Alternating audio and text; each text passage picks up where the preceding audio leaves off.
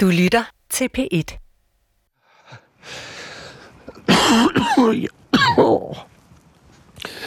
jeg, jeg er sgu en hjort. Åh. Jeg...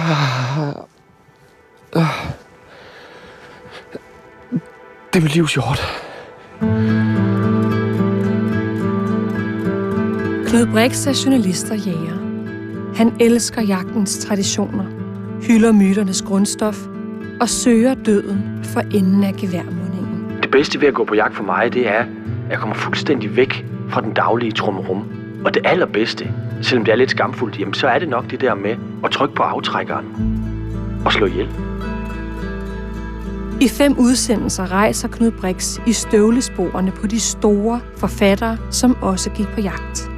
Hvordan forsvarede de drabet? Hvordan besang de jagten og naturen? Undervejs rejser Knud selv på jagt i Grønland, Afrika, Sverige og på de danske jagtmarker for at undersøge, hvorfor han holder af drabet. Må man det? Eller er han en hæslig jæger?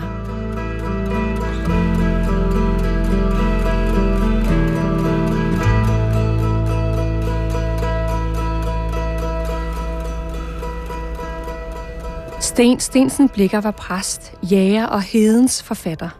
Han skrev Danmarks første jagtmagasin og brugte jagten i mange af sine heostratisk berømte noveller. I dette afsnit drager Knud Brix til Nordjylland for at jage kronjorden, skovens konge og det ædleste danske vildt. Han grænsker Blikkers mange facetterede forhold til jagten.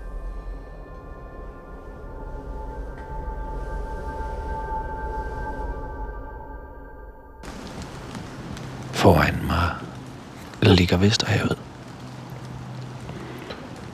Og endeløse klitter med marhalm.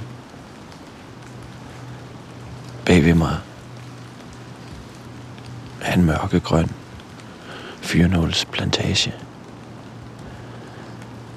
Jeg sidder lige på kanten af klitterne med udsigt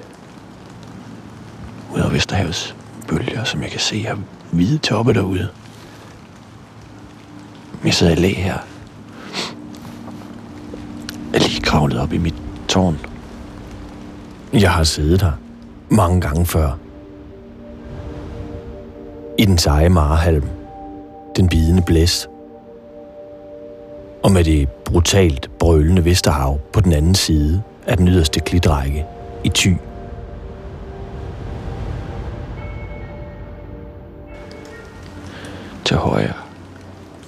Se et græsspor, som løber langs klitplantagen. Og så har jeg 180 graders udsigt ud over det barske klitlandskab. Og til venstre fortsætter sporet ned langs med plantagen.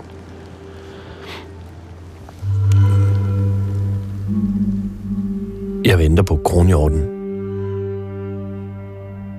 Jeg har sådan set ventet på den i 40 år. Skovens konge. Jeg har skudt mange kronhjorte i udlandet. Især i Skotlands bjerge. Men aldrig i Danmark. Her er den imposante kronhjort stadig monark. Et sjældent trofæ. Og selv erfarne jægere kan vente hele og halve jægerliv på at skyde en kronebærende hjort i fri vildbane. Der er et eller andet helt, helt specielt ved klitplantagerne. Noget, der resonerer min barndom. Hvor vi år efter år kom på jagt i Vestjylland. Det er helt anderledes landskab herude end de østjyske bøgeskove.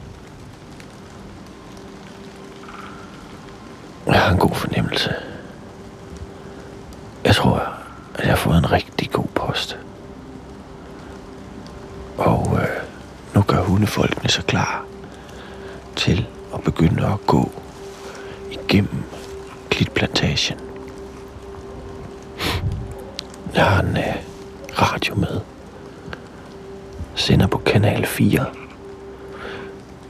En kortbølge radio, så jeg kan høre, hvad der bliver set af vildt inde i såden. Det er faktisk øh, første gang, jeg prøver det her med at have en radio med. På en eller anden måde, så er det spændende, kan jeg allerede høre, og kunne høre, at der er blevet meldt et stykke kronvild gå fremad, eller hvad de nu har set derinde. Men det er også som om, man på en eller anden måde bliver koblet til verden lidt. og det jeg måske har mest lyst til, det er at være frakoblet verden. Men nu prøver jeg det. Nu skød min nabopost. Jeg kan ikke se noget. Han sidder måske 400 meter længere oppe i klitterne. Jeg har et, øh, jeg har et lille kort med, hvor jeg kan se numrene på de poster, hvor vi er sat ud omkring langt fra hinanden. Altså man har faktisk fornemmelse af, at man er helt, helt alene herude. Så man kan selvfølgelig kan høre hundemanden, men man kan ikke se de andre poster. Og jeg har en rigtig, rigtig, rigtig god fornemmelse, en intuitiv fornemmelse af et eller andet.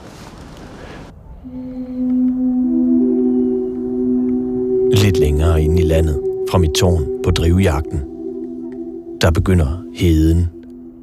Den ro tunge, som slikkede i Jylland. Det er her, den stovte mentalitet, det underspillede, og de fabelagtige historiefortællere findes. Ingen har besunget hedens folk smukkere end blikker. Sten Stensen Blikker blev dødfødt ind i en præstefamilie og jægerfamilie. Det lykkedes på næsten mytologisk vis at få skabt liv i det kleine drengespædebarn igen. Men dødfødslen indvarslede ud over det dramatiske islet os ulykkens elegi. Blikkers far var præst ved Viborg-kanten, og senere på Randersegnen. Faren var jæger i en grad, så han nedskrev en topografi over pastoratets fugle, planter og dyr. Jagtens barndomsminder aflejrede sig i Blikkers barnesind som sparsomme, positive tankebobler, mens moren, Christine, med sin tiltagende sindssyge, farvede den anden del af Blikkers barnesind mørkt. Og indlejrede en frygt for sindssygens nedarvelighed. En urfrygt, som Blikker behandler litterært i sit centrale værk, Hosekrammeren. Når Blikkers mors psykiske anfald i perioder blev for voldsomme, så blev unge Sten sendt bort til herregården Avnsbjerg syd for Viborg hvor morens onkel, Sten de Stensen, regerede, udover at give ham et givetigt indblik i herskabets anatomi, så brugte blikker også forståelsen af forskellen mellem almue og adel. Og han tilbragte lange perioder i skovene med herregårdsskytten, Vilhelm Skytte. Jeg var aldrig lykkeligere, end når jeg engang kunne få lov til at besøge ham i hans kammer, bese hans geværer, lege med hans hunde og høre hans jagthistorier. Sådan skriver Blikker i novellen Skytten på Avnsbjerg, en skildring af drab og dårskab, hvor virkelighed og fiktion løber sammen i en blodig strøm. Ja, her springer Blikker ud som Danmarks vel første realist i litteraturen. Blikker knyttede sig tæt til præstefaren, som lærte ham om jagt og natur. Men faderen var også streng patriarkalsk, og han tvang blikker til at tærpe latin under hjemmeskoling. Ærligt, så har jeg selv haft et splittet og lidt ambivalent forhold til blikker siden min skolegang. Jeg husker elementer af uforklarlig skønhed i den trekantsdramatiske novelle Sildig opvågen, men også tvang tvang på den måde, at det altmodige danske sprog blev tvunget ned over hovedet på mig i gymnasiet. I en grad, så jeg senere smilede skævt, i genkendelighed, til den jyske sangerpoet Peter Sommers linje. Jeg læser Sten Stensen blikker i sengen for at falde i søvn. Jeg læser Sten Stensen blikker i sengen for at falde i søvn.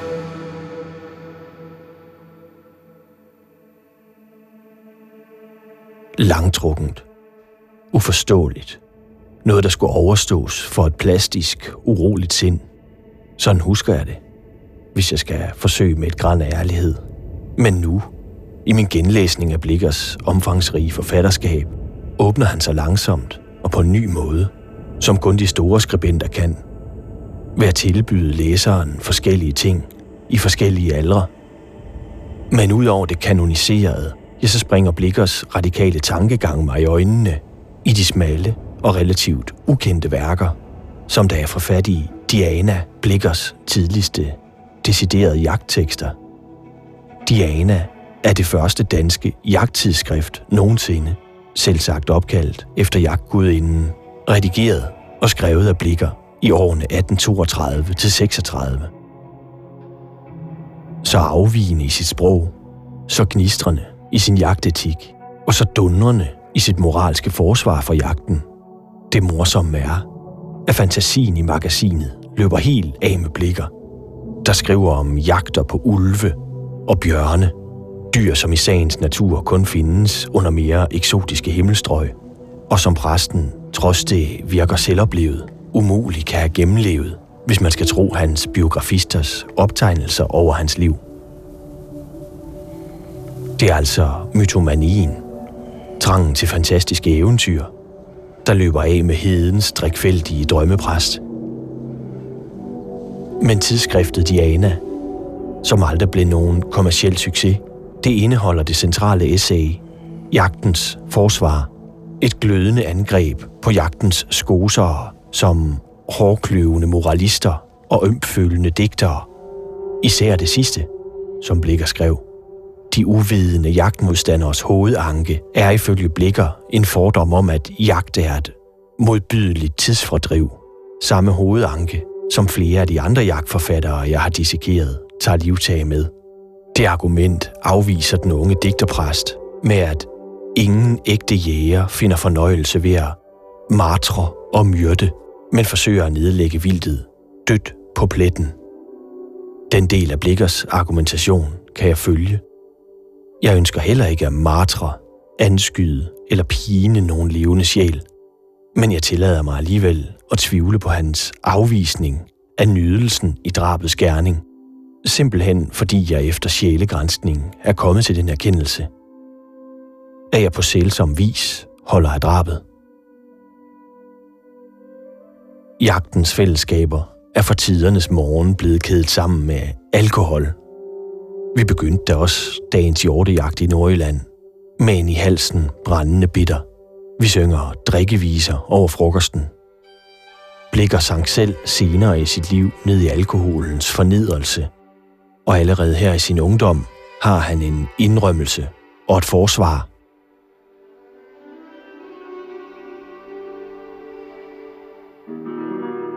Dog, moralisten har endnu et men.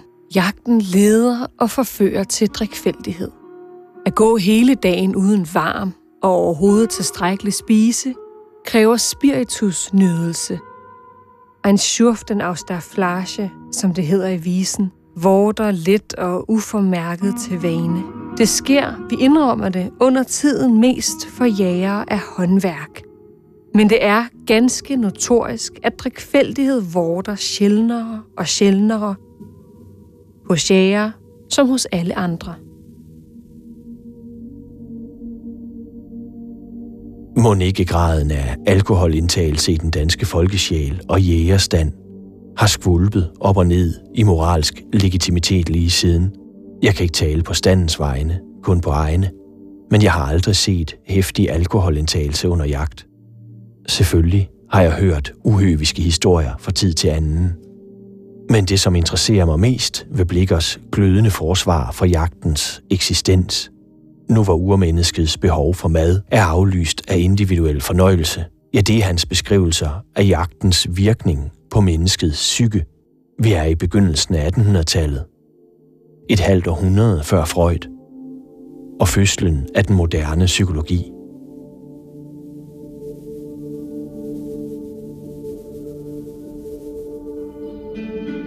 Og er det ej alene bevægelsen, den friske luft og lemets hærdelse, som her kom i beregning, men også, hvad mange overse, den sindsmunterhed, der er gavnligere for helbreden end et helt apotek. Løsrivende fra livets møje og bekymringer, fra menneskesamfundets trængen og skubben, fra vold og ranker, iler jæren ud i den fri og yndige natur. Selv fri og sovløs, som fuglen under skyen. Jagtlyst fylder og udvider hans let åndende barm. Håbet bevinger hans skridt, og det typige opfyldelse skænker ham skyldfrie og umisundte glæder. Han afryster hverdagslivets trykkende lænker og hjemme en slave af love og sædvaner, modtyranni og trykkende forhold, træder han med oprindelig tvangsløshed som skabningens herre ud i Guds skønne verden og farer fra sejr til sejr, som ikke købes med sukke og tårer. For blikker blev jagten lige dele flugt og lindring. Han vagabonderede skødesløs på heden med forladeren over skulderen. Jagten tilbød et afbræk fra det stadig mere bitre ægteskab. Med den 10 år yngre Ernestine Juliane. Sammen havde de 10 børn. Blikkers sind formørkedes i tanker om, at de ikke alle var hans. En dunkel tanke, der forplantede sig til flere værker. Hans økonomiske uføre voksede, Hans drikfældighed og svir voksede proportionelt, og klagerne fra sovnebørnene i det forsømte pastorat steg ligeledes i decibel. Blikkers sociale derute blev demaskeret for alverden, da han i 1847 blev afskediget fra sit præstekald, skændet og fornedret.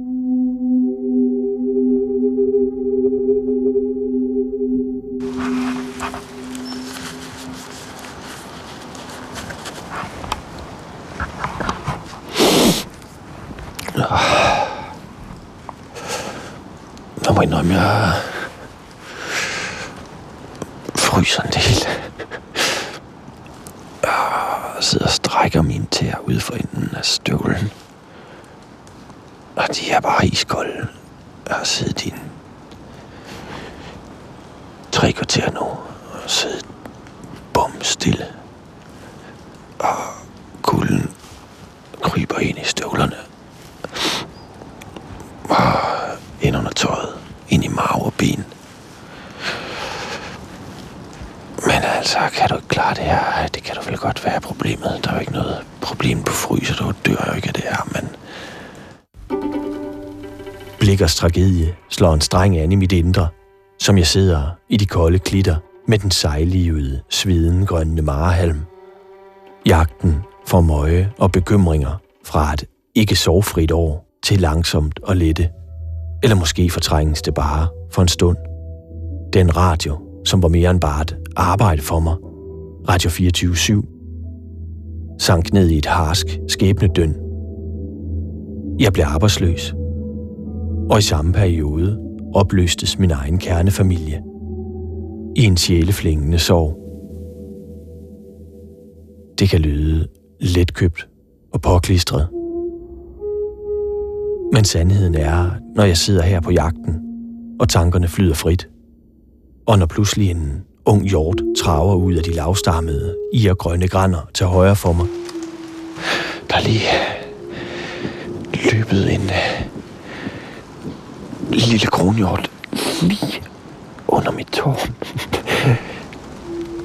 Sender min puls op, så den tror med at sprænge oven, ja, så glemmer jeg ikke blot, at jeg har mistet mit job og mit ægteskab. Men jeg føler en dybere liggende mental lindring.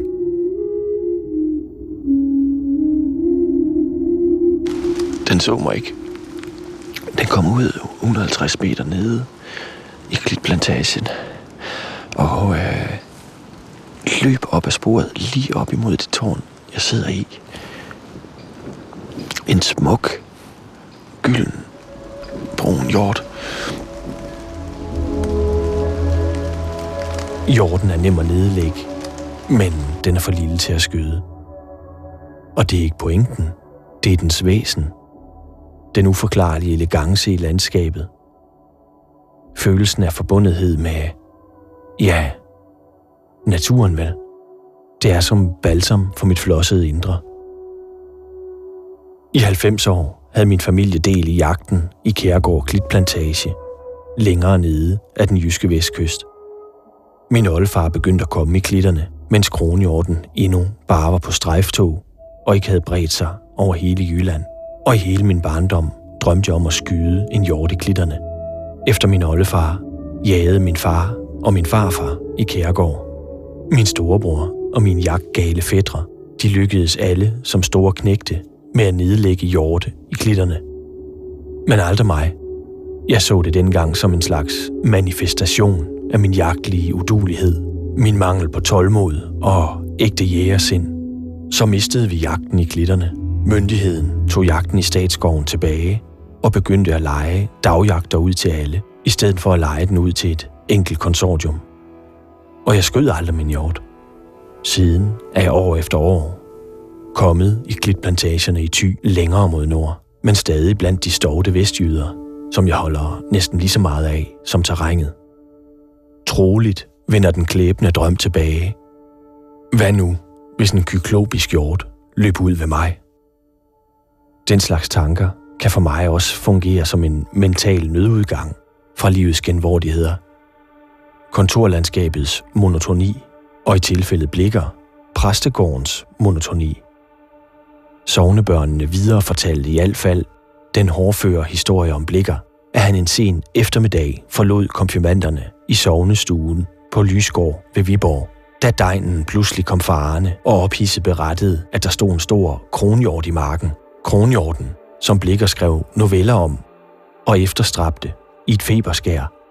Han smed Bibelen på bordet, lå konfirmandernes side, stak afsted. Jagten og jorden kom før Guds kære små. Jeg støder på historien i flere varianter i min læsning. Et andet sted er det prædiken, han forlader, smider kappen og snupper geværet. Et tredje sted er det en buk og ikke en hjort. Altså ulmer historien af mytens svage skær. Anekdotens sandhedsværdi er ikke essensen, men det er blikker brændte for jagten i en grad, hvor den til tider synes at overskygge pligten, som tjener for den salige herre. Oh. Oh. Ja. Ja. Ja.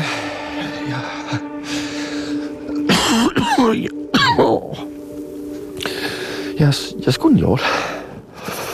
Åh. Ja.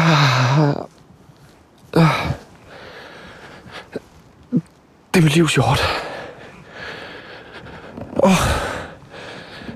Jeg er ikke bundet op til han. Jeg er ikke bundet op til han. Den, den, den kommer. Og øh, det er måske et øh, halvt minut siden, jeg har skudt, når min puls er fuld. Stændig galopperende. Det er mit livs hjort. Det er en kæmpe, kæmpe, kæmpe, kæmpe, kæmpe kronhjort. Og den ligger 60 meter ude. Og, og øh, jeg øh. svimler helt for mine øjne nu, altså. 40 års ventetid er forbi. Sjælekvaler fortrængt. Klitternes scene. Traver kongen. Jeg står og tisser faktisk. jeg tænkte, at øh, jeg kunne ikke kravle ned ad tårnet for at tisse, fordi så ville der garanteret ske et eller andet præcis, mens jeg var nede. Så øh, jeg står og tisset ud over tårnet. Mens jeg står og forretter min nødtørst, så, kom, så kommer der 150 meter nede, kom der, øh, ser jeg ligesom ud af øjenkrogen, noget der bare vælter ud af skoven. Og jeg ved med det samme, at det er en hjort. Og jeg ved med det samme, at den er stor nok. Jeg falder ned i skydeposition. Jeg tror nærmest ikke engang, jeg når at drøbe af. For helvede. og så sidder jeg og ser den her monstrøse hjort med en hindernkald lige efter sig. Kom for fulde langs med skovkanten ude i klitterne lige op imod mig. Og jeg når selvfølgelig at lige kigge på den i riffelkikkerten, så jeg, jeg er simpelthen ikke i tvivl om, at den er... At den er stor nok. Kommer så tættere på, og der er en chance. Så en hjort standser ikke for dig og stiller sig op og troner. Min stadig øh, banker, og jeg kan mærke, den banker bag huden i halsen. Og mit åndedræt. Det her er mit livs. Jo, sådan en chance får man måske en gang i hele livet. En enorm, gigantisk kronhjort i fri vildbane i Danmark. Jeg har ventet på det her i 40 år. Jeg har simpelthen, jeg har ventet på det her i 40 år.